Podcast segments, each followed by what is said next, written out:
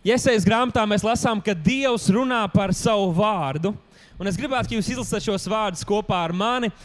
Tur viņš saka šos vārdus, kā lietus nāk no debesīm, un turp neatgriežas, pirms tas nav veldzējis zemi, to apaugļojis un tērpis zaļumā. Tāpat tas ir ar manu vārdu. Dievs patiesi visur Bībelē, kā vecajā, tā jaunajā derībā, uz mums runā attēlos. Viņš cenšas uzzīmēt mums kādas ainas. Un šajā gadījumā viņš vēlējās, lai mēs zinām, ka Dieva vārds nav tikai burti, nav tikai burtu salikumi, kurus mēs cenšamies atcerēties, kurus mēs dzirdam un aizmirstam, bet Dieva vārds šajā gadījumā kā lietus nāk pār mūsu dzīvēm. Un varbūt mēs, kas mēs dzīvojam šajā apvidū, mēs nevisai priecājamies par lietu, lai gan vasarā kādreiz lietus mums ir par maz, bet tur, tajā apvidū, un īpaši Izraēla teritorijā, kur lietus ir retums, šie vārdi viņiem nozīmēja daudz. Un es domāju, ja mēs redzētu šādu attēlu katru reizi, kad mēs lasām Dievu vārdu, kad mēs dzirdām Dievu vārdu, ka tie nav tikai vārdi, bet tas ir kā garīgs lietas, kas nāk pār mūsu dvēselēm, līst pār mums un dara mūs auglīgus un svētītus katrā mūsu dzīves situācijā. Tas izmainīja to, kā mēs studējam Dievu vārdu. Tas izmainīja to, kā mēs nākam uz draugu. Tas izmainīja to, kā mēs klausītos Dievu vārdu. Un es gribu iedrošināt tevi šajā brīdī, kamēr mēs pārunāsim Dievu vārdu, turpinot viņu pielūgt arī tādā veidā, ja mēs varētu atvērt savus sirdis un būt gatavi, ka Dieva lietas var līt pār mums caur savu vārdu. Dieva lietas par mūsu dzīvēm. Un mēs varam ticēt, Mēs varam ticēt, ka Dieva vārds ir patiesība. Mēs varam ticēt Dieva apsolījumiem, mēs varam būt Dieva uzrunāti, un tad mēs gribam pielietot Dievu vārdu, lai stātos pretīm visādiem uzbrukumiem, stātos pretīm visādiem, visādām likstām, kas varētu nākt mūsu dzīvēm.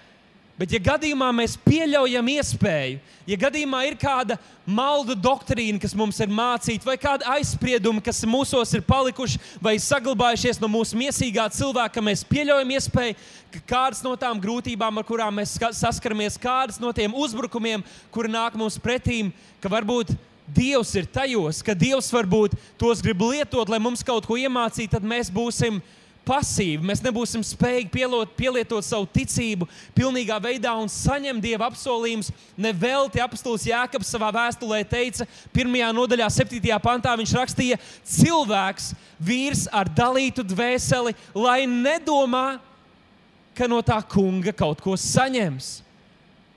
Cilvēks, kurš no vienas puses pilnīgi ir pārliecināts, ka Dievs ir labs Dievs, ka Dievs ir mīlestības Dievs, ka Dievs ir daudz labāks tētis nekā jebkurš no mums varētu būt, tomēr kaut kur savā domās, kaut kā savā zemapziņā tu pieņ, pieņem tādu iespēju, ka viņa labestība varbūt ir mums nesaprotama, un viņš var mums darīt lietas, kuras mūs it kā apzog vai aplaupa, bet Dievs jau ir visvarens, un viņš var darīt visu, ko viņš vēlas. Bībele saka, ja mēs tā ticam par Dievu, tad mēs nevaram neko saņemt, lai gan mēs ticam viņa apsolījumiem. Mūsos, mūsu domās ir kādas kādas doktrīnas, kādi, kādi aizspriedumi, kas cīnās pret mūsu ticību, ka mēs nesaņemam to, ko Dievs mums grib dot.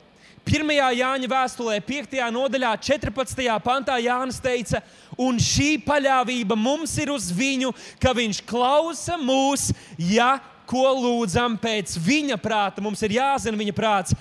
Ja zinām, ka viņš mūs klausa, ko vien lūdzam, tad zinām, ka saņemam to, ko esam no viņa lūguši.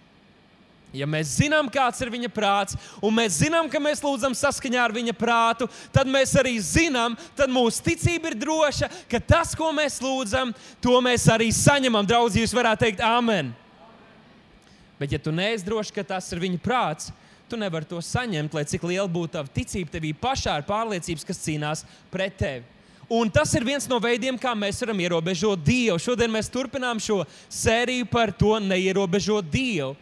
Un viens no aizspriedumiem, kurš ļoti daudz dominē arī dažādu kristiešu vidū, un bieži mēs to dzirdam arī kristiešu sarunās vai kādās, kādos sprediķos, ko kāds sludina, ir, ka mēs pieļaujam iespējamību, ka Dievs lieto vai sūta vai akceptē dažādas likstas, lai mūs pārmācītu vai mūs pamācītu. un es šodien gribu runāt pret, šo, pret šiem maldiem. Tāda doma ļoti bieži ir izlolota mūsu zemapziņā, varbūt pat skaļi nepateikta, varbūt pat tā mēs to nesaprotam un nedomājam, bet zemapziņā, savā mīsīgajā cilvēkā, ziniet, kaut kā man šķiet, ka mūsu mīsīgajā cilvēkā mums patīk un mēs sagaidām, ka mūs sodīs. Mēs gribam, lai mūs soda. Ja mēs darām sliktu, mēs redzam, ka mēs pieļaujam kļūdas, mēs gribam, lai mūs soda un bieži savu mīsīgo izjūtu, varbūt pat vēlnu demoniski dotās domas, mēs tās pielīdzinām Dievam. Mēs sakām, Dievs ir tāds, kā mēs paši kādreiz varbūt gribētu rīkoties. Un varbūt ir vecāki, kuri vienkārši nevar sagaidīt, kad viņu bērni paaugsies, lai viņus varētu pērt. Jūs esat slimi. Tas nav tas veids, tas nav tas veids kādēļ mums ir siksna un žagari. Tas ir tikai ārkārtas gadījumos, kad viņi ir mazi, ko viņi saprot, kādēļ tas tiek darīts. Dievs nav tāds tēvs. Un tādēļ tā doma, ar kuru es gribu iesākt, un es gribētu, lai mēs to noteikti atceramies, varat to pierakstīt. Dievs neakceptē un nesūta likstas. Ja mēs varētu vēlreiz to pateikt skaļi, Dievs neakceptē un nesūta likstas. Es saprotu, ka kādiem no jums tā var būt pilnīgi jauna doktrīna, kaut kāda jauna izpratne par Dievu. Jūs esat domājuši citādāk. Uzreiz nenoraidiet to, uzklaus to, ko es šodien dalīšos, un varbūt ielies to kādā plauktiņā, skaties Dieva vārdā un ļauj, lai Dieva vārds ir tas, kas ietekmē un veido tavu priekšstatu par Dievu. Jo es ticu, ka Dievs neakceptē un nesūta likstas jaunajā derībā. Ko mēs varam saprast zem vārda likstas? Mēs varētu likt slimības, vai visi piekrīt? Balsojam. Slimības mēs varam likt, nē, Dievs nesūta slimības, visādas atkarības. Ja vienīgi atkarība no Dieva, bet to arī Viņš mums nevar iedot, mums pašiem tā ir jāveido un jādzenas pēc Viņa. Problēmas attiecībās, attiecība problēmas ar vecākiem, Dievs tās nesūta mūsu dzīvē, attiecība problēmas ar bērniem, ar draugiem, ar kolēģiem, attiecības laulībā problēmas. Dievs nav tas, kas tās veido, sūta, pieļauj kaut kādas zādzības, varbūt tu esi bijis apzakts. Dievs nav tas, kas to ir, to, to ir darījis. Vandālisms, problēmas darbā, karjeras barjeras. Dievs nesūta karjeras barjeras. Visāda veida neveiksmes, avārijas, problēmas ar tavu auto, kurš visu laiku sabojājas. Tas nav Dievs, kas to sūta vai akceptē, lai tas notiktu tavā dzīvē. Varbūt tev ir briesmīgi cilvēki tavā draugu lokā. Tas nav Dievs, kas viņus sūtīja. Varbūt tu saskaries ar kādām nelaimēm, traģēdijām, un mēs visi tādus piedzīvojam. Tas nav Dievs. Dievs to neakceptē. Dievs nav tas, kas apstiprina, jā, tas var notikt tavā dzīvē, un mums tas ir jāsaprot.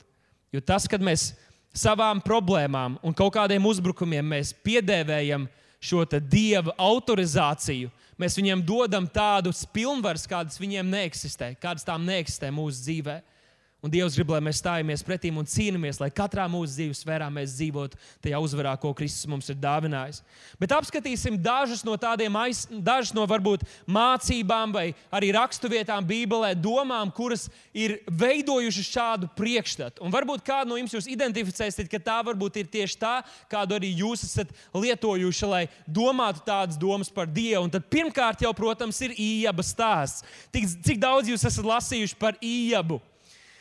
Mazliet par kontekstu. Ieba grāmata ir pati pir, pirmā grāmata, kas rakstīta visā, no visām Bībeles grāmatām. Tā senākā grāmata Bībelē.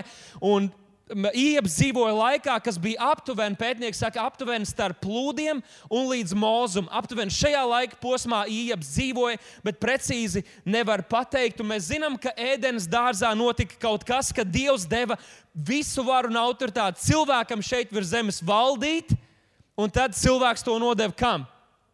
Nodeva vēlnam, un tātad uz tādas pasaules iepas dzīvoja, un Dievs vēl nebija slēdzis nekādu derību ar cilvēku, izņemot to, ko viņš slēdza ar Noā vai ar visu pasauli. Viņš teica, viņš vairs nekad neiznīcinās pasauli ūdens plūdos, bet Dievs nebija slēdzis nekādu derību ar cilvēku, kas viņam ļautu iejaukties viņa dzīvē.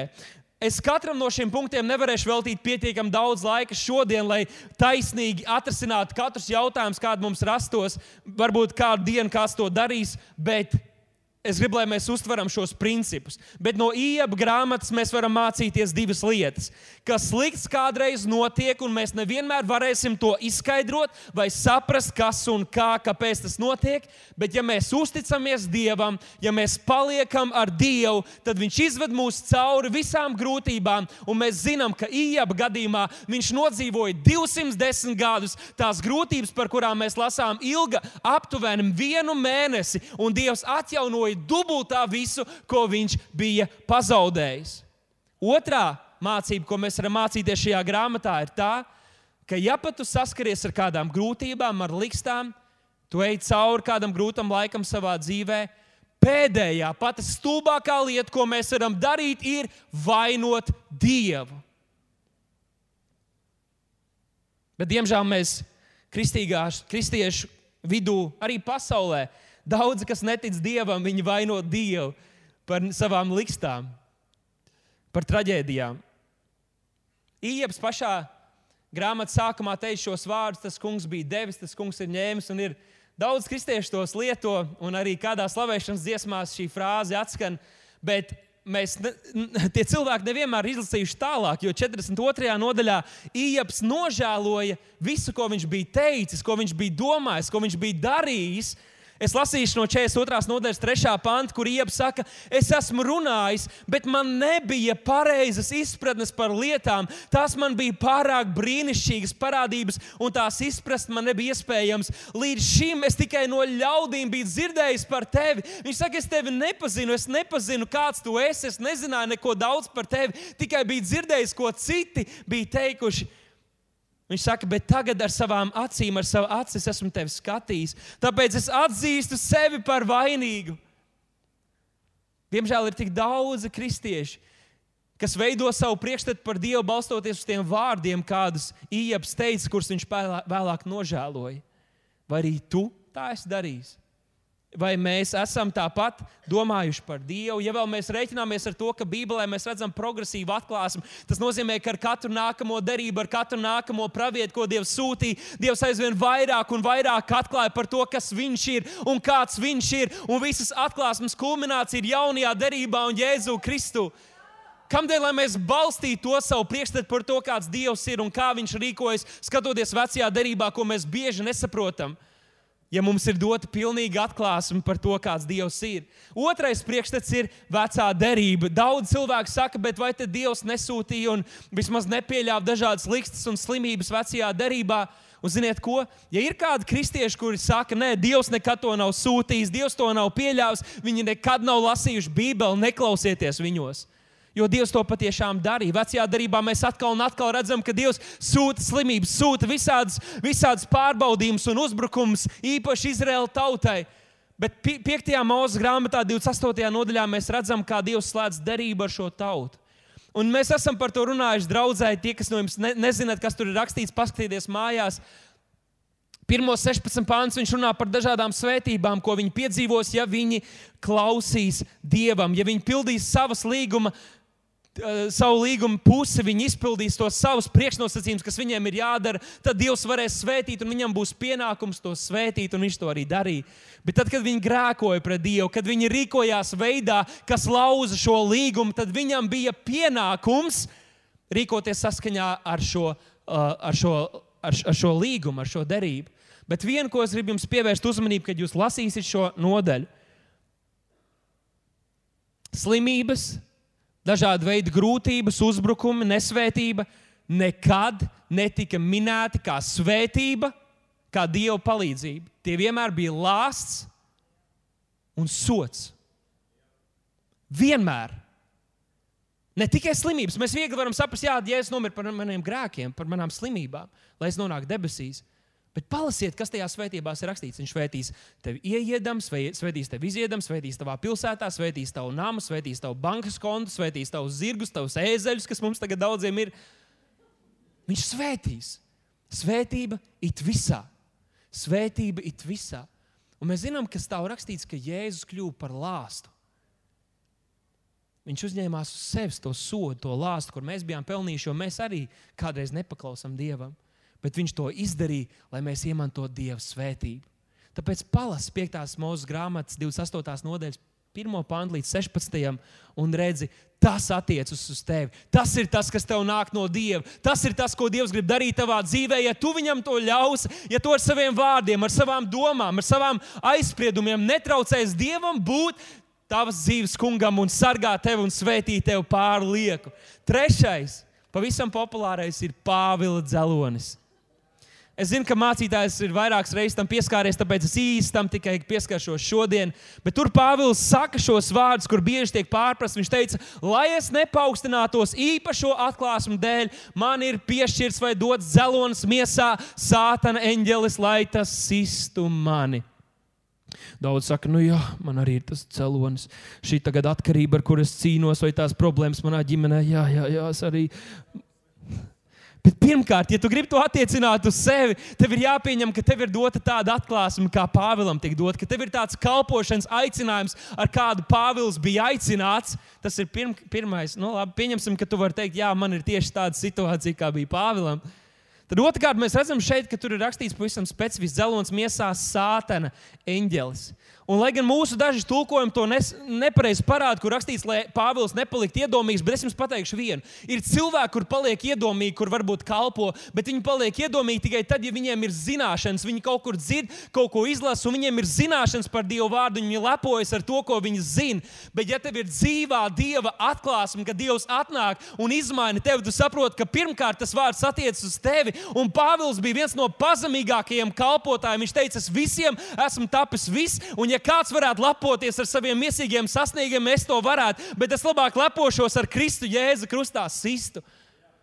Tad patiesībā tas, kā šī raksturvieta un šis dzelonis ir jāsaprot, tas nebija dieva sūtīts eņģelis lai, vai dzelonis, lai Pāvils nepaliktu lepns. Tieši pretēji tas bija, pa, tas bija vēlna sūtīts demonisks spēks, lai Pāvils netiktu paaugstināts vēl augstāk. Tāpēc viņš visu laiku saskārās ar vajāšanām. Vai spējat iedomāties, kāda būtu Pāvila kalpošanas rezultāti bijuši, ja visu laiku viņš nesaskartos ar vajāšanām, ja viņam nebūtu jābaidās par savu dzīvību, kā šodien mums tas nav nav jādara. Ja viņš varētu ceļot un sludināt evaņģēlīju televīzijā, lai miljoniem cilvēku dzirdētu, dziedināt visus cilvēkus, nebaidoties par savu dzīvību. Un ne, nodaļa iepriekš, un patiesībā, jūs zināt, kad, kad Bībele tika sarakstīta, tad nodaļas vēl neeksistēja. Tā kā sanāk, tas ir tikai daži pantus iepriekš, pirms viņš runā par šo dzeloni. Viņš runā par šīm vājībām, viņš runā par šīm vajāšanām. Un es izlasīšu tikai dažas no tām lietām, kuras viņš min no 23. panta, sākot 11. nodaļā, 2. korintiešiem. Viņš saka, ka Tie bija cietumi, bezmēra sitieni, nāves briesmas, ri, briesmas rīkstes, nomētāšana akmeņiem, ūdens briesmas, laupītāja briesmas, briesmas pilsētā, tūkstnesī pie savējiem, pie pagāniem, pūles, bezmiega naktis. Kāds no mums vienu nakti nav gulējis, un tu jau tā esi briesmīgākais cilvēks, un tev liekas, ka Dievs tevi pārmāca. Bats, sals, kailums. Jēzus nomira no augšām cēlās, lai mēs būtu brīvi no itin visa. No viena tikai viņš mūs neatbrīvoja, un tās ir vajāšanas Kristus dēļ. Bet tam, kā mēs tam izējām cauri, mēs ar to atnesam godu Dievam, un Dievs mums ir devis savu žēlastību, kas dod mums izturību un spēku. Vienalga, kādas vajāšanām mēs saskaramies, un mūsdienās tas kādreiz ir iespļauš, iespļaušana sejā vai kāds sliktāks vārds, un tā ir Dieva žēlastība, kas mums dod mieru, kas mums saka, es to neuztveru personīgi, to viņš izdarīja Dievam, es esmu tikai vēstnesis, es mīlu jūs. Varbūt esat dzirdējuši par brāli Junu no Ķīnas vīru. Tāda grāmata, ko mums mazajā grupā vairāk brāļi ir lasījuši, un viņš, viņš tur raksta, kādām vajāšanām viņš ir saskāries. Un tas ir pārdabīgs, kā tas ir iespējams, ka viņš tajā situācijā saglabāja tādu attieksmi. Tādēļ, ka Dieva žēlastība viņam bija pietiekama arī tajos grūtajos brīžos, bet viņa vajāšanas ir sekmējušas evaņģēlīju izplatīšanos visā Ķīnā un arī ārpus tās. Jēzus vārdā. Tad, kad Pāvils bija trīs reizes dievam lūdzis, un redziet, mēs runājam par progresējošo atklāsmu, trīs reizes dievam lūdzis, lai tas var atstāties no viņa. Tad Dievs viņam teica, tev pietiek ar manu žēlstību. Tādēļ vēlāk Pāvils izdarīja šo secinājumu, kas rakstīts 2. Timotejam 3.12, kur viņš saka šo secinājumu, ko arī mums ir jāliek aiz auss dzīvoja 21. gadsimtā. Viņš teica, bet visi, kas grib dievbijīgi vai svētbīgi dzīvot Kristu Jēzu, sastapsies vai tiks vajāti arī tiks vajāti. Viņš to saprata. Trīs reizes viņš lūdza, un Dievs viņam saka, tev pietiek ar manu žēlstību. Viņš saka, nu labi, tā tad, ja es gribu svētbīgi dzīvot, es saskaršos ar vajāšanām. Varbūt, ja tu trīs reizes, vai es jau lūdzu Dievam, nelūdzu vairs trešo reizi, Pietiek, pieņem to pamācību, to vārdu, ko Dievs uz tevi runājis. Ceturtais arī ļoti izplatīts, un viena no lielākajām problēmām krist, daudz kristiešu lokā ir pārprasta Dieva suverenitāte. Kad mēs pieņemam, ka Dievs pilnīgi visu kontrolē, ir kāds, kas pat māca, ka vēlams tev pat nevar pieskarties bez tā, ka Dievs viņam to ļautu. Bet tad man jājautā, kādēļ tu dodies pie ārsta? Kādēļ tu lieto zāles, kad tu esi saslims? Kādēļ? Kādēļ tu meklē labākas darba iespējas? Kādēļ tu mēģini tikt pāri un tikt galā ar kaut kādām grūtībām? Ja tā ir Dieva suverēna pieļautā griba, lai tu nonāktu tādā situācijā, kādēļ tu cīnies pret Dieva gribu? Ja Viņš grib, lai tu esi slims un sakauts, ja tu tam patiešām tici, kādēļ tu ej pie ārsta? Kādēļ tu par to cīnies? Dievs ir suverēns, bet šī ir tāda maldīga izpratne par to, kas suverenitāte ir. Jo Dievs nav atbildīgais un Dievs nav tas, kas akceptē un pieļauj visu. Jo, piemēram, nāve šajā pasaulē ienāca nevis Dieva, bet mūsu dēļ. Mēs grēkojām, mēs bijām tie, kam dēļ nāve ienāca pasaulē. Mēs cilvēki ēdām no laba un ļauna atzīšanas koka. Mēs bijām tie, kas mēs to varu un autoritāti, ko Dievs mums bija devis, atdevām sātanam. Un vai Dievs kad deva varu un autoritāti cilvēkam, vai viņš teica, nu, kad jūs gribēsiet nosaukt zebru par zebru, tad nāciet, pārliecinieties, paprasiet man, un tad es jums to apstiprināšu. Nē, viņš teica, ejiet, augļoties, ejiet, valdiet, ejiet. Viņš, neteica, viņš ne, nepalika kontrolēt pār to visu. Viņš deva viņiem brīvu gribu, deva viņiem varu, un tagad cilvēks to ir nodevis sātanam, to cilvēku lokā, kuri netic Kristum. Kad cilvēki mirst, mēs kādreiz sakām, jā, laikam bija pienācis viņa laiks, laikam dievam viņš debesīs bija vajadzīgs vairāk nekā mums šeit uz zemes. Bet, ja, ja Dievs būtu gribējis dziedināt, Viņš jau to būtu izdarījis, un tie ir pilnīgi meli. Dievs nepārkāp mūsu gribas, mūsu izvēles robežas, mūsu ticības. Tas, ko tu gribi ticēt, tas, ko tu gribi saņemt, tas, ko tu pasludini savā dzīvē, tas arī ir tas, kas notiks. Mēs prasām, Dievs, kāpēc tu to pieļāvi? Kāpēc tu nedziedini, kāpēc tu nepalīdzi? Bet Dievs saka, bet es esmu to izdarījis. Lieto savu ticību, lieto man vārdu, ļauj man ienākt tavā dzīvē un būt tavam patvērumam, briesmās reliģiski mums kādreiz patīk lūgt un tā domāt, ka Dievs, ka Jēzus ir pie mūsu dzīves stūres un mēs esam tikai aizmugurē, bet tas ir arī tāds maldīgs priekšstats. Jo Dievs jau mums ir devis varu mūsu dzīvēm. Viņš ir kopā ar mums, ja mēs viņam to ļaujam. Viņš grib runāt un grib vadīt mūs, bet vai mēs vienmēr dzirdam viņa balsi, vai vienmēr mēs paklausām?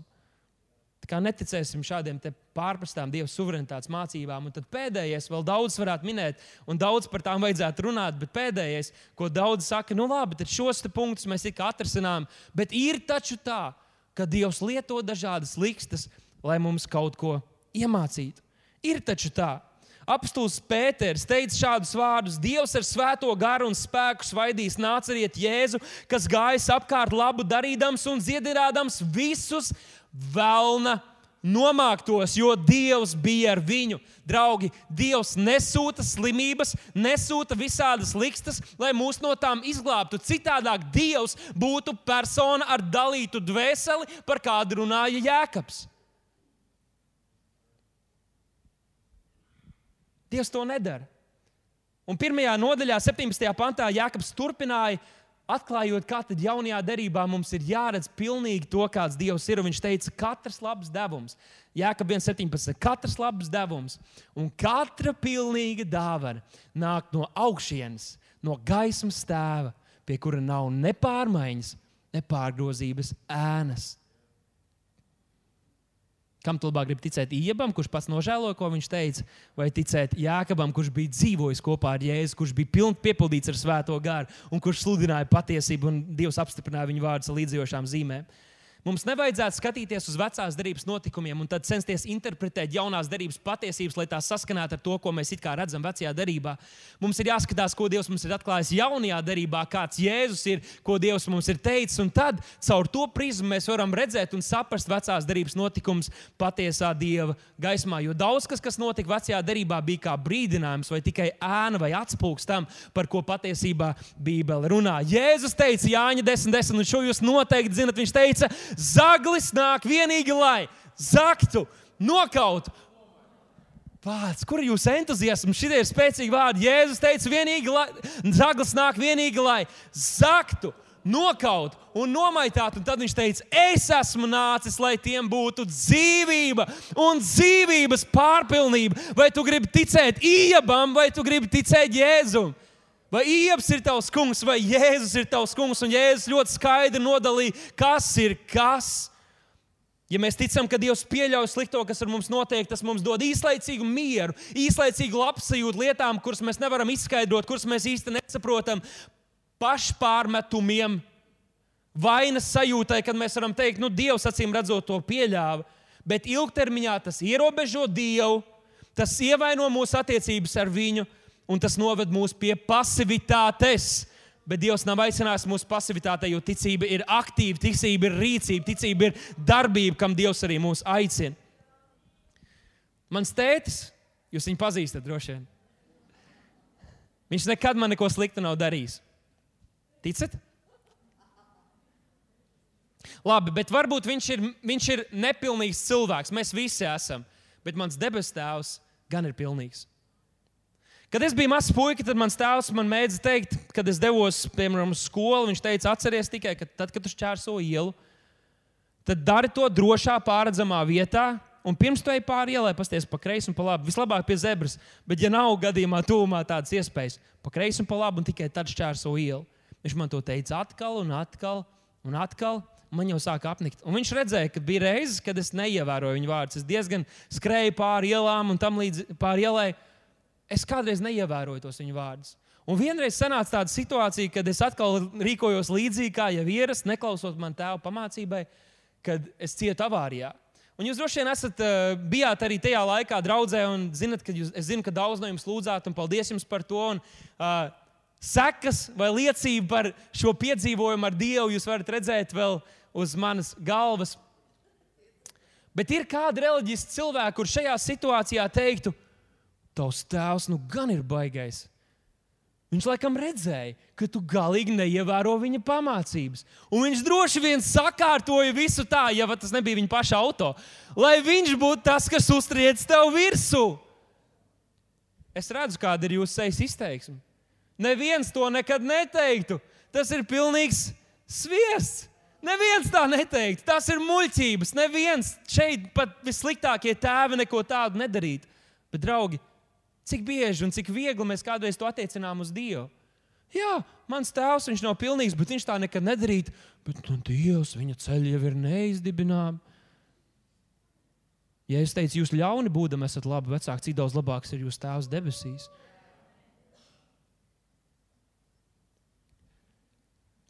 Draugi, mums ir jāsaprot, ka mans debesu tēvs, un tā ir mana pārliecība, mans debesu tēvs nekad neko sliktu man nav darījis, un nekad neko sliktu man nedarīs. Nekad, saka, nekad. Nekad viņš neko sliktu man nav darījis, un par to es esmu pilnīgi drošs un pārliecināts. Un jūs man nevarat pārliecināt ar savām iepu grāmatām un savu maldīgo izpratni par to. Es nesaku, ka no grūtībām mēs nevaram kaut ko mācīties. Kad mēs kādam izējām cauri, mēs varam kaut ko mācīties, un liela daļa no mums arī esam pie Dieva, jo mēs varbūt saskārāmies ar kādu pārbaudījumu, kur mēs sapratām, ka mums ir vajadzīga palīdzība. Bet katra grūtība, katrs uzbrukums, kas nāk pret tevi, nāk, lai tevi iznīcinātu, nāk, lai tevi apzaktu. Un tas, ja tu izej tam cauri, un tā rezultātā tu pieķeries vairāk dievam, tu paņem viņa vārdu un sāc lietot to, tad tas ir tas, kas tev ir par svētību, tad tas ir tas, ko tu iegūsi tajā. Un nevis tā pati problēma ir tas, kas atnes kaut kādu palīdzību, ko Dievs varētu lietot tavā dzīvē. Ja grūtības mūs darītu labākus, tad tie, kur sastopās ar grūtībām un piedzīvo tās, būtu labāki cilvēki. Tad tie, kur ir visvairāk likstām saskārušies, viņi būtu vislabākie cilvēki, bet tie ir maldi. Tā nav patiesība. Draugi, es gribu, lai jūs ilustrat kopā ar mani to un sakat to ticībā. Ir rakstīts, šeit stāv rakstīts, un šodien es to gribu, lai mēs saprotam un iemācāmies. Dievs neakceptē un nesūta likstas, bet labas, tīkamas un pilnīgas dāvanas. Vai tu tam tici? Vai tu tam tici? Es zinu, ka mēs ticam, ka Dievs ir labs, un Bībelē mums to atklāja. Bībelē runā par to, ka Dievs ir mīlestība. Mēs lasām par to, kāda mīlestība ir. Un tad es, mums ir grūti to attiecināt, ka Dievs tiešām ir tik labs, kā mīlestība tiek raksturota, bet Dievs ir tāds. Bet cik labs viņš ir tavā dzīvē? Vai tu tici, ka viņš ir tik labs, vai tomēr tu viņam piešķir arī kaut kādas noziedzīgas īpašības? Mums nevajadzētu būt apjukušiem draugi. Ja tas ir labs, tas ir no dieva, ja tas ir slikts, tas ir no vēlna. Tas ir pavisam vienkārši. Jēzus to teica, zaglis nāk, lai zaktu, bet es esmu nācis, lai jums būtu dzīvība. Tas nav sarežģīti. Tas nav sarežģīti. Tas kungs nav mūsu problēma. Viņš ir mūsu problēmu risinājums. Vienalga, kāda ir tava problēma, viņš ir tavs risinājums, viņš ir tava atbilde, viņš ir palīgs īstā laikā. Viņš ir mūsu atbilde, mums būs vajadzīga viņa palīdzība, mums būs vajadzīga viņa iejaukšanās. Jo patiesība ir tāda, ka tu vari darīt lielāko daļu lietu pareizi, tu saskarsies ar bēdīgām lietām, ar sliktām lietām. Tu vari darīt daudz ko nepareizi, un tu saskarsies ar, slikt, ar sliktām lietām, ar ļaunumu. Droši vien daudz vairāk nekā tas otrs, kas dara, rīkojas pareizi. Un, ja tu vispār neko nedari, un ir kāda tāda, varbūt jūs tagad skatāties tiešraidē, jūs arī saskarsieties ar, bēd, ar bēdām. Tad, ja Dievs nav tas, kas tās akceptē vai sūta, kādēļ mēs ar tām saskaramies? Un es gribu ļoti īstām pieskarties.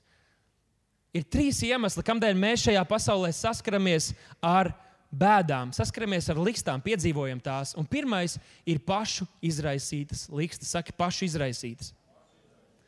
Mums nav vienmēr jāvaino Dievs. Mums vispār nav jāvaino Dievs, bet mums nav vienmēr jāvaino arī vēlns. Ir reizes, kad mēs paši izraisām problēmas savā dzīvē. Un par to mācītājs šajās pēdējās, pēdējos dievkalpojumos ir daudz runājis. Kas notiek tavās domās? Ko tu dari ar saviem vārdiem? Kāda nonāk uh, attiecībās ar cilvēkiem situācijā, ka viņi saka, bet visi man ienīst, bet iepriekšējos piecus gadus tu visu laiku esi bijis vienkārši kaut kas skabarga. Neteikšu neko tālāk. Un tad tu saki, kā tas tā, kāpēc Dievs to tā pieļāva? Tu pats to esi radījis. Ko tu esi runājis par savu dzīvi? To tu tagad sēji, to tu tagad, fuj, to tu tagad pļauj. Redz, tikko pateici, fuj.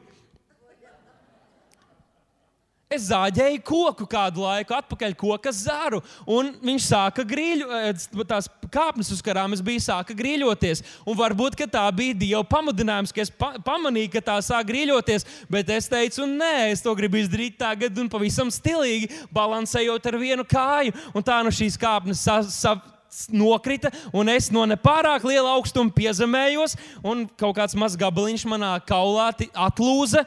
Tas nebija Dievs, un es neticu, ka tas bija demonisks uzbrukums. Man vienkārši Dievs bija dāvājis smadzenes, kuras atsacījos lietot tajā brīdī. Nevelti Dievs mums ir dāvinājis smadzenes, mums ir jālieto tās. Pasakādam to lieto savas smadzenes. Tā ir laba lieta, tā ir brīnišķīga dāvana, ka mums ir smadzenes. Otrais iemesls ir demoniski uzbrukumi. Patiesi mēs dzīvojam šeit virs zemes, un Vēlns vēl aizvien darbojas šeit ar visiem saviem pakalpiņiem. Un viņš darbojas gan pie kristiešiem, gan arī pasaulē ar dažādiem demoniskiem uzbrukumiem.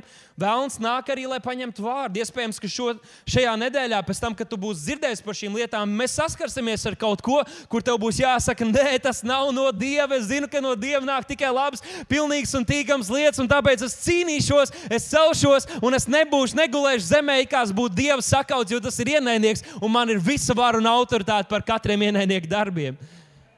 Amen. Un trešais iemesls ir tāds, kādreiz sliktas lietas notiek, jo mēs vienkārši dzīvojam kritušā pasaulē. Dievs radīja šo pasauli brīnišķīgi. Tur nekas slikts nenotika. Nebija nekādas dabas katastrofas, nebija nekas tam līdzīgs, nebija traģēdijas. Bet tam dēļ, ka mēs dzīvojam šajā grēcīgajā pasaulē, tādas sliktas lietas notiek. Tas notiek. Jēzus arī teica, un jūs droši vien esat dzirdējuši viņa vārdus.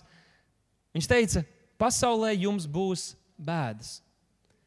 Viņš to teica mācekļiem, kuri uz viņu skatījās ar starojošām acīm un cerēja, ka viņš tūlīt pārņems visas valdības varas, un tagad viss būs kārtībā, un viņi būs valdnieki pār visu. Un viņš skatās tiem mācekļiem un saka, draugi, es zinu, ka tagad ir brīnišķīgi, visādi devoni bēga, viss, ko mēs piedzīvojam, viņi nomierinās, bet šajā pasaulē jums būs bēdas. Būs bēdas. Nu, Bobs Jandienis arī par to runāja, un mēs bieži arī par to esam dzirdējuši. Šī pasaule ir tāda samaitāta, kritus pasaule, un notiks sliktas lietas, bet tad viņš teica vārdus, kas ir daudz svarīgāki par tiem vārdiem, ko viņš teica pirms tam. Jo tad, kad Dievs kaut ko pasakā, it kā tādu bēdīgu, bet tad seko vārds bet.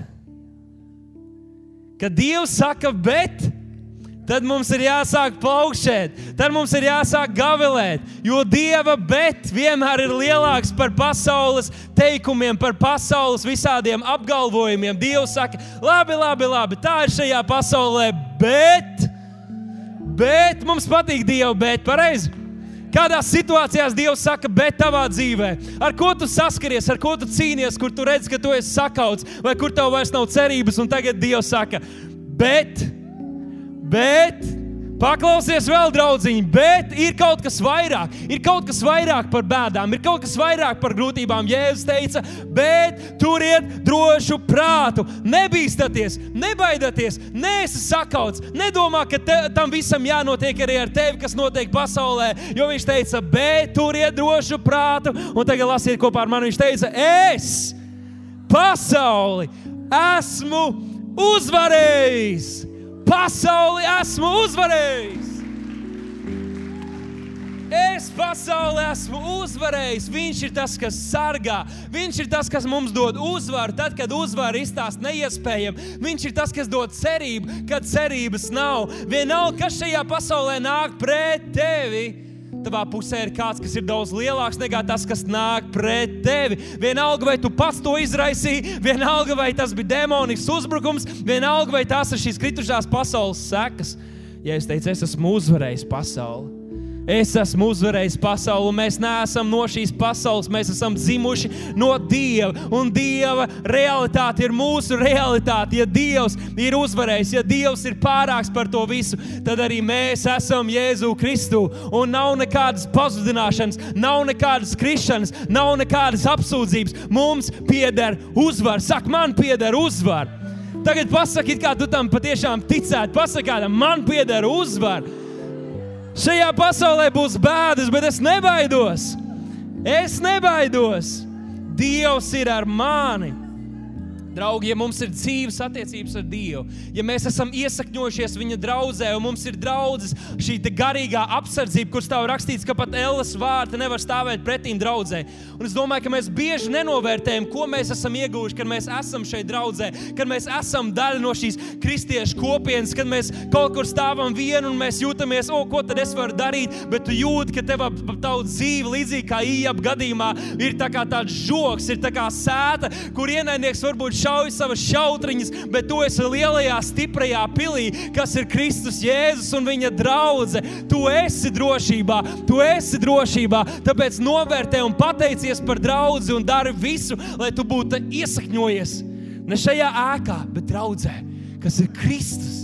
Kristus šeit nevajag iesakņoties, nesabojā krēslus. Jēkabs turpināja, viņš teica, jūs esat piemeklējis tikai cilvēcīgs pārbaudījums. Tikai cilvēcīgs pārbaudījums, un vēlams kādreiz grib, lai mēs tā jūtamies, ka mēs saskaramies ar kaut ko tādu, ar ko neviens cits nekad nav saskāries, ka mums ir vissmagāk. Jūs esat tā jutušies? Tikai jūs atnākat, draugs, visiem ir tik labi, viņi nezina, cik man ir grūti. Un es nenoliedzu, ka ir grūti laiki. Ir laiki, kad ir bēdas. Ir laiks, Bībelē ir rakstīts, ir laiks, kad ir jāraud, ir laiks, kad ir jāpriecājas. Jā, Bet vēlams, grib, lai tu domā pats, tev ir visgrūtāk. Tu vienīgais ar to saskaries. Jākap saka, tev nav piemeklējis nekas tāds, ar ko citi cilvēki nebūtu saskārušies. Visdrīzāk, ka tev blakus sēž cilvēki, kur izgājuši cauri vēl lielākām lietām. Un tāpēc ir svarīgi, ka mēs liecinām. Tāpēc ir svarīgi, ka mēs dodam Dievam godu. Jo varbūt tu šeit sēdi un tev ir 100 eiro jāatmaksā bankai, bet kāds te pavisam nesen ticībā atmaksāja miljonu, un viņa liecība var tevi iedrošināt. Tad Jānis turpināja, viņš teica, bet Dievs darīs galu šim pārbaudījumam. Citiem vārdiem, Viņš izvadīs jūs cauri vienalga kāds, un viņš to rakstīja kristiešiem. Viņš saka, vienalga, kāds ir tas pārbaudījums, vai grūtības, vai liksts, ar kurām jūs saskaraties, Dievs jūs izvedīs cauri. Tam izvedīs cauri. Viņš izvedīs cauri. Dāvids teica, pat ja es atrodos nāves ēnas ielā, es tur neesmu bijis.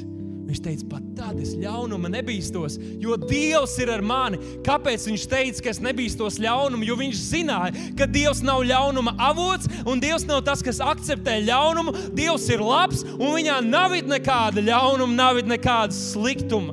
Viņā Dievs ir brīnišķīgs Dievs. Es jums īsti gribu atgādināt par audzinātāju, kur Dievs kādu dienu bija noalgojis, lai audzinātu savus bērnus, bet viņi tagad ir palikusi bez darba. Jūs varbūt esat par to dzirdējuši. Viņi vienkārši vairs nedara, ne, ne, ne, nepildīja savas funkcijas, bet atnāca labāk audzinātāji.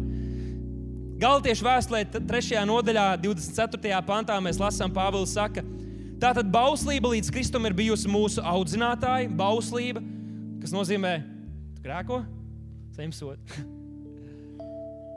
Uzreiz, un vispār daudziem kristiešiem mūsdienās vajadzētu tādu dabūt. Jo mēs daudz dzīvojam tik bezatbildīgi, aizmirstam, ka bez svētas dzīves neviens dievu neredzēs. Bet tā ir dieva žēlastība, kas mūs maina un palīdz. Bet tad viņš turpina, viņš saka, lai mēs ticībā kļūtu taisnot. Un tad viņš turpina, bet kad ticība ir nākusi, tad audzinātājai vairs varas pār mums nav. Nav vairs varas pār mums. Ticība, cerība, mīlestība atnāca ar Jēzus Kristu tās pilnīgajā veidolā. Un tagad, kad ticība ir atnākusi, tad šai vecajai audzinātājai viņa ir palikusi bez darba. Mēs zinām, ka ticība nāk no Dieva vārda dzirdēšanas. Tas nozīmē, ka, kad tu dzirdi Dieva vārdu, kad tu dzirdi patiesību, tā dara tevi brīvu. Un kad tu esi brīvs, tad šai vecajai audzinātājai un vecajai domāšanai vairs nav varas pār tevi. Kad atnāca ticība, tad vecā audzinātāja tika atlaista, jo Dieva labākā audzināšanas metode bija pieejama pateicoties svētiem garam. Un es gribu, lai mēs šodien die Dievam dodam godu par šo labāko audzināšanas metodi. Es īsi pieskaršos katram no tiem, un tur ir raksturvietas, lai jūs varat mājās vairāk pastudēt. Pirmkārt, Pāvils rakstīja Timotejam, ka Dieva vārds vai šie raksti ir Dieva iedvesti un ir noderīgi mācībai, vainas pierādīšanai, labošanai un audzināšanai taisnībā. Mācībai tā ir tā doktrīna, tā ir kristīgā mācība, ko mēs šeit runājam draudzē, ko mēs pārunājam mazajās grupās, ko mēs pārunājam savās ģimenēs. Tā ir tā mācība. Otrais ir vainas pierādīšana, kas nozīmē pārliecināšanai vai pierādījumu iesniegšanai. Draugi, Bībele Dieva vārds ir noderīgs, lai mēs varētu viens otram uzrādīt, kad kāds no mūsu brāļiem vai māsām krīt grēkā, kad tu spēlējies ar grēku. Dieva vārds ir instruments. Neteiksim, ko tu man apsūdzi. Viņš brālis tev mēģina palīdzēt. Māsa tev cenšas celt, un mums to vajag darīt mīlestībā, bet Dieva vārds ir paredzēts vainas pierādīšanai. Un es tā domāju, tas ir daudz, daudz patīkamāk nekā, ja tu grēko un te uzreiz nomēta akmeņiem. Vai šī nav labāka metode? Vai nav forši, ka brālis atnāk un tev pasakā, pagaidi, man liekas, ka tas, ko tu dari, ir nepareizi, nekā ja viņš atnāk ar citiem brāļiem ar akmeņu kaudzi? Šī ir labāka derība, šis ir labs laiks, kurā mēs dzīvojam. Pieņemsim arī pamācību. Otra, trešais ir labošanai, kas ir korģēšana, atjaunošana pareizā stāvoklī. Un tas runā par to, ka Dievs ne tikai grib tev parādīt, kur tu kļūdies, kas vairāk bija vecajā derībā, bet Viņš saka, es tev gribu arī parādīt un palīdzēt nostāties uz pareizā ceļa. Un Dieva vārds to dara. Saka, Dieva vārds to dara.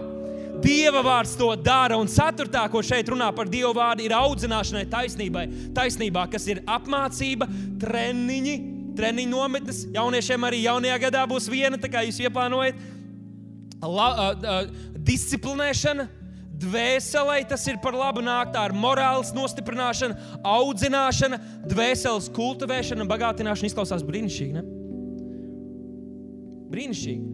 Tad otrais, ko mēs redzam, ir kāda ir Dieva metode jaunajā derībā, kā Viņš mūs māca un kā Viņš mūs maina. Un tas ir caur svēto gāru. Ziniet, ko Jēzus teica 14. nodaļā? Viņš teica, Jāņa Evangelī 14. nodaļā, viņš teica, bet aizstāvis, aizstāvis, no kā mums vajag aizstāvi? Jo mēs dzīvojam šajā pasaulē, kur būs bēdas. Un Jēzus teica, tas jums par labu, es esmu uzvarējis pasauli, tagad viņš saka, es jums sūtu aizstāvi. Ja svētais gars ir mūsu dzīvēm, ja mēs ļaujam viņam būt kungam, tad viņš ir mūsu aizstāvs, viņš mūs pasargās. Svētais gars, ko Tēvs sūtīs manā vārdā, tas jums visu mācīs un atgādinās jums visu, ko es jums esmu sacījis. Svētais gars nāk un māca. Viņš ir tas mūsu skolotājs, viņš ir mūsu atklāsmes gars. Arī šodien es varu pateikt to, ko Dievs ir uzrunājis man, bet es nevaru tevi atklāt Dieva vārdu. Es nevaru to izdarīt tavā dzīvē. Tas ir svētais gars, kas ir kaut kas, kas tevi uzrunā, kas tevi aizskars, kas izmainīs tavu dzīvi. To tikai un vienīgi svētais gars var izdarīt katrā no mums. Citādāk mēs vienkārši runājam, bet tie ir Dieva vārdi. Un svētais gars tos dara dzīves, kad tie ienāk mūsu dzīvēs un pārmaina mūsu. Un Svētais Gars mums atgādina, vai jums kādreiz tā ir bijis, kad jūs esat kādā situācijā un jūs kādu laiku varbūt neesat lasījuši to rakstu vietu, kas jums bija vajadzīga.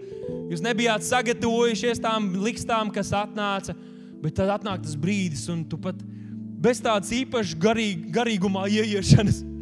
Tev vienkārši, varbūt ārsts pasakā kaut ko, vai tev paziņo kaut ko darbā, un tu vienkārši uzreiz tev ir vārds. Saka, Nē, neviens nepaliks kaunā, pas, kas paļaujas uz to kungu. Nē, tas ir mans vārds, un tas ir svētais gars, kas mums atgādina Dieva vārdu. Un tādēļ mums vajag, lai Dieva vārds ir mūsos, lai mēs dzirdam Dieva vārdu, lai svētais gars mums to var atgādināt. Trešais ir Dievs lieto kalpotājs. Efeziešu vēstulē ir teikts, ka Dievs ir devis mums visas šīs kalpošanas dāvanas, lai sagatavotu svētos kalpošanas darbam. Un tad kādā vietā Pāvils teica, tie, kam ir dota dāvana mācīt, lai tie nodarbojas ar mācīšanu. Tātad tā ir instruēšana, tas ir, ka mēs mācām Dieva vārdu, un tas ir viens no veidiem, kā Dievs ceļ draugu. Tāpēc ir svarīgi, lai mēs esam draudzē un mazajās grupās. Un pēdējais, kas nav pats mazākais, bet gan lielākais, ir žēlastība. Pāvils rakstīja Titam, 2. nodaļā, 11. pantā, jo ir atspīdējusi žēlastība, kas nes pestīšanu visiem cilvēkiem, audzinādama mūs, lai atsacīdamies no bezdievības un pasaulīgām iekārēm, prātīgi, taisni un dievbijīgi dzīvojam šī laikā. Draugi, žēlastība nevada mūsu grēkā. Žēlastība nav mūsu brīvbi, brīvbiļete grēkot. Žēlastība mūs māca un vada dievbijīgā dzīvošanā, lai mēs atsakāmies no bezdievības un pasaules iekārēm. Žēlastība, draugi, ir spēcīga. Žēlastība ir tā, kas darbojas mūsos. Dieva žēlastība maina dzīves. Tā ir Dieva labestība, kas cilvēkus velk pie Viņa, kas velk mūs pie atgriešanās. Tā ir Dieva žēlastība. Dieva žēlastība darbojas mūsos. Tad, kad mēs esam nespēcīgi, Viņš ir spēcīgs. Kad mums ir grūti, Viņa žēlastība dara mūs stiprus, ka mēs varam panest, mēs varam uzvarēt. Un Jānis teica šādus vārdus, un tā ir arī pēdējā raksturvieta, kuras gribu, lai mēs apskatām. Un šis ir mēsīčs tulkojums. Viņš teica, lai neviens, izlasiet kopā ar mani, lai neviens, kas ir zem spiediena padoties ļaunumam, nesaka, Dievs mani iedzinis stūrī. Dievs ļaunumam nav pieejams, un viņš to nesūta neviena cilvēka ceļā. Vai tu dzirdēji, ko tikko izlasīji? Dievs ļaunumam nav pieejams, un tā ir jaunās darbības atklāsme, un jaunā darbība konsekventi tieši par to runā. Dievs nav ļaunumam pieejams, un Viņš nesūta ļaunumu neviena cilvēka priekšā. Tāpēc ņemsim šīs jaunās darbības patiesības un ļausim, lai tās veido mūsu pilnīgo priekšstatu par to, kāds ir mūsu Dievs. Romiešiem 8,28 ir teikts, un mēs zinām, ka tiem, kas mīl Dievu, visas lietas nāk par labu. Tas nozīmē, ka tad, kad tu piedzīvo svētību, kad tev izdodas, tas tev nāks par labu, ja tu mīlēsi Dievu. Jo, ja tu nemīlēsi Dievu, tu vari palikt lepns un tu vari pazaudēt Dievu. Ir daudz kristiešu, ir cilvēki, kur atnāk pie Dieva, lai viņiem labāk klātos, un kad tā svētība atnāk par viņu dzīvēm, viņi aizmirst par Dievu. Bet, ja tu saglabāsi savu sirds attieksmi Dievu priekšā, tad arī labas lietas tev nāks par labu. Bet ir teikts arī, ka visas lietas. Un visās lietās ietilpst arī grūtības. Ietilpst, ietilpst liksts, ietilpst grūtie laiki. Un, ja tu tagad atrodies tādā, paņem šo apsolījumu sev, saki, es zinu, ka tagad ir smagi, es zinu, ka tagad ir grūti, es zinu, ka tagad ir tāds smagāks laiks, vienalga vai tās ir finanses vai cita kāda manas dzīves sfēra, bet es mīlu Dievu. Un ar to ir pielikts punkts, jo es zinu, ka tāpat kā iebam, ja mēs gribam lietot iebu piemēru, Dievs visu atgriezīs manā dzīvē, un viņa svētība atgriezīsies vismaz dubultā, ja ne simtkārtīgi, jo Dievs ir uzticams Dievs. Draugi, Dievs neakceptē un nesūta likstas, bet labas, tīkams un pilnīgas dāvanas. Tāpēc saki to sev šodien, tāpēc celies, cīnies un dzīvo uzvarā. Mums nav jānometas uz muguras katru likstu un uzbrukumu priekšā, pieņemot, ka Dievs to sūta vai pieļauj. Jo Dievs saka, ej un cīnies. Es gribu, lai tu uzvari. Tu esi radīts uzvarai. Katrs uzbrukums, kas nāk pret tevi, tas ir uzbrukums arī pret mani. Un viņam nav cerības, jo es esmu ar tevi. Jo stāv rakstīts, padodies Dievam un stājies pretīm vēlnam, stājies pretīm katram uzbrukumam, stājies pretīm katrām likstām, ar kurām tu saskaries, un tās bēgs no jums. Tas bēgs. Jā, ar vajāšanām mēs saskarsimies, un mēs neesam pestīti glābt no vajāšanām, bet Dievs mums dos spēku tās panest. Bet citās dzīves sfērās mums pieder pilnīga uzvara, pilnīga svētība. Un, ja es teicu, ka neviens nav, kas zaudēs māti vai kaut ko pazaudēs Kristus dēļ, kas to neatgūs, gan debesīs, gan jau šeit virs zemes. Kad es cietu avārijā, es tur būtu, bijis, es tur būtu varējis nomirt. Tādās situācijās cilvēki pazaudē dzīvības ļoti vienkārši. Man pēc tam palātā bija kāds puisis, kurš bija ciets daudz vieglāk avārijā, bet viņš bija pilns ar metāliem, un viņam atkopšanās laiks bija daudz ilgāks, ja viņš pilnībā varēja at, a, a, atkopties, un mēs arī lūdzām par viņu. Bet man vecāki turēja mani savās ticības rokās. Viņi, Viņi nepārstāja lūgt par mani. Es biju šajā draudzē, lai gan es varbūt nebiju pilnībā pieķēries Dievam, bet tas, ka es biju šeit, un tas, ka bija cilvēki, kur sirdīs arī Dievs ielicis manu dzīvi, kur lūdz par mani, Dievs pasargāja un varēja izglābt man dzīvību tur, kad es to nebiju pelnījis, un es to nebiju pelnījis. Kad es bērnībā iekritu šeit pat akā, kad, Dievs, kad Vēlns gribēja mani iznīcināt, es tur varēju arī mirt, bet man pasargāja Dievs, Dievs žēlstība, Dieva eņģeļi vienkārši man nolika uh, drošībā, un tā bija draudzes apsardzība pār mani. Varbūt, ka tava ģimene ir uz šķiršanās robežas, un tu visu laiku vainos Dievu. Rekādi man Dievs pieļauj, ka man ir briesmīgi, briesmīgs vīrs vai briesmīga sieva. Beidz vainot Dievu, sāc strādāt pie attiecībām, sāc strādāt pie sevis. Dari no savas puses visu, ko tu vari, lai tu varētu redzēt dziedināšanu savā ģimenē. Varbūt, ka tu esi zaudējis darbu, un tu domā, nu kā gan Dievs to pieļāva, bet varbūt, ka tu vienkārši esi drāmīgs darbinieks. Varbūt, ka vienkārši esi drāmīgs darbinieks, vai tu pats sevi ņemtu darbā, ja tev būtu uzņēmums. Varbūt atzīst savu vainu, ja tas esi tu un saka, labi, es gribu mainīties, es gribu laboties, un Dievs tev dos kaut ko labāk. Dievs ir tas, kas mūs glāb visādās situācijās. Ja tev bērni tev neklausa, varbūt pārstāj pieņemt to, ka Dievs ir uzlicis tev tādu pārbaudījumu, ka tev ir nepaklausīgi bērni, un tev tas ir jāpanes līdz galam, bet sāc tu ņemt autoritāti savā namā, kā tēvs un kā māte, un saka, es mācīšu viņiem bīties to kungu un būt paklausīgiem Dieva lietās, un būt paklausīgiem savam tēvam un mātei. Kādi cilvēki uzskata, ka viņi ir dieva brīnišķīgi instrumenti, lai citiem mācītu būt pazemīgiem, kad viņi ir kaitinoši. Varbūt te ir kāds tāds, kaut kas stipri šaubos, jo draudzē prieka vēstā tāda nav, bet varbūt kāds ir iemaldījies. Bet, ja tu esi šeit tāds, tad nemaldini sevi. Jo Dievs grib mainīt tevi. Viņa primārais mērķis ir, lai tu mainies Jēzus līdzjūtībā, nevis lai caur tevi citi mainītos. Jo mēs tikko runājām par veidiem, kā Dievs mūs maina un audzina. Jēzus teica, ka apgrēcībai gan ir jānāk, bet vai tam caur ko tā nāk? Jā, būs tie kaitinošie cilvēki, bet tu vari tas nebūt. Tu vari tas nebūt. Tu neesi izredzēts un aicināts būt par kaitinošu cilvēku saviem kolēģiem un biedriem. Tu esi aicināts un izredzēts būt Jēzu Kristu un būt viņam līdzīgs katrā savas dzīves sfērā. Ja tu esi zaudējis kādu savus radinieku slimībā vai kādās traģēdijās, pārstāj vainot Dievu pārstāv vai no Dieva un izmanto laiku un ej pie tiem saviem radiniekiem un draugiem, kur vēl nepazīst Jēzu, kur nav glābti un sludina viņiem evaņģēlī. Dara visu, lai viņi būtu glābti, jo šajā pasaulē būs bēdas, bet turiet droši prāt. Izmantosim šo laiku, kas mums ir dots. Ja tev ir slikts attiecības ar kolēģiem, nevaino, viņu, nevaino viņus. Dari pats kaut ko, lai to izmainītu. Varbūt tev apkārt ir slikti cilvēki. Slikti cilvēki, tavi draugi. Atved viņus uz draugu. Dievs viņus var izmainīt. Ja tas nav iespējams, maini draugus. Tagad būs tāds brīdis, ka mēs vēl brīdi varētu būt vienkārši lūkšanā un, un Dieva priekšā. Un tas, ko, tas, kas bija manā sirdī, varbūt te nav daudz tādu, jo zinu, ka mēs visi esam uzauguši šajā mācībā, un, un, un, un, bet es ticu, ka Dievs to nevelti man deva, man arī pašam, paši izpratnē, bet arī kādiem no mums, kad, kam, kam, kam tas bija jādzird šodien. Un varbūt, ka tu šodien esi tāds, kas varbūt savu mīsīgo tēvu nekad neapvaino tādos noziegumos, bet debes tēvam tu viegli pieskaitīs tādas lietas, tādas noziegumus, un viņu vainojas. Kā izraisītāji vai pieļāvēji kaut, kaut kādās bēdās tavā dzīvē.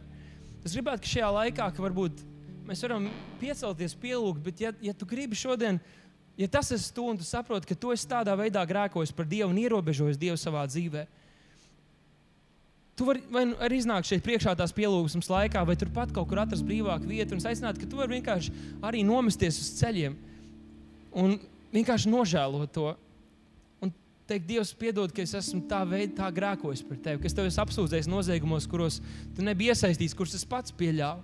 Kad man bija jāvaino sev vai citi cilvēki, es vainoju tevi. Un mums ir jāatgriežas no tādas domāšanas, jo mums ir jāpārstāj ierobežot Dievu šajā veidā. Ja mēs varētu draudz piecelties. Tās mēs pateicamies, ka Tu esi labs Dievs. Un miesīgi, cilvēcīgi mēs pat nevaram tā pilnībā izprast Mēs mācāmies, mēs gribam vairāk izprast to, cik brīnišķīgs tu esi, bet mēs atzīstam, ka mēs esam pieļāvuši kļūdas, ka mēs esam apsūdzējuši, turējuši tevi aizdomās. Neusticējušies tāpēc arī tev pilnībā, jo pieļāvuši, kungs, ka, ka tu kaut ko tādu gribi darīt mūsu dzīvē. Mēs pateicamies, ka tu šķīsti mūs. Tas, ka tu šķīsti mūs. Mēs varētu vienkārši pielūgt, kā lai draugs, ja tas neatiecas uz tevi, tad vienkārši pielūdz, es Dievu klātbūtnē, mēs tūlīt pēc brīža arī beigsim. Bet, ja tas ir tu un tu saprati, ka tu arī esi grēkojis tādā vietā par Dievu, ja tas atsauc tavā sirdī, ja tur, kur tu vari atrast kādu vietu, kur tu vari vienkārši nomesties uz ceļiem un kādu brīdi vienkārši būt Dievu priekšā un atvainoties, un vienkārši nožēlot to, kā tu esi rīkojies, kā tu esi domājis. Tu esi labs, nav neviena par tevi labākā. Nav virs zemes un nav debesīs, it neviena tev pat līdzīga. Tevi mīlu, kungs, tevi mīlu, Jēzu. Un es zinu, tu esi mana klīns, no tevis nāk mana glābšana. Katru dienu atjaunojās tava žēlastība un mani pasargā tava mīlestība. Oh, oh. Katru dienu atjaunojās tava žēlastība, jo tu uzticams paliec vienmēr, Jēzu. Tu esi labs, nav neviena par tevi labākā. Nav virs zemes un nav debesīs, it neviena tev paplīdzīga tevi mīlu, kungs, tevi mīlu, Jēzu. Un es zinu, tu esi mana klīns, no tevis nāk mana glābšana. Katru dienu atjaunojās tava žēlastība un mani pasargā. Tava mīlestība, oh, Jēzu, katru dienu atjaunojās tava žēlastība, jo tu uzticams paliec vienu mēru.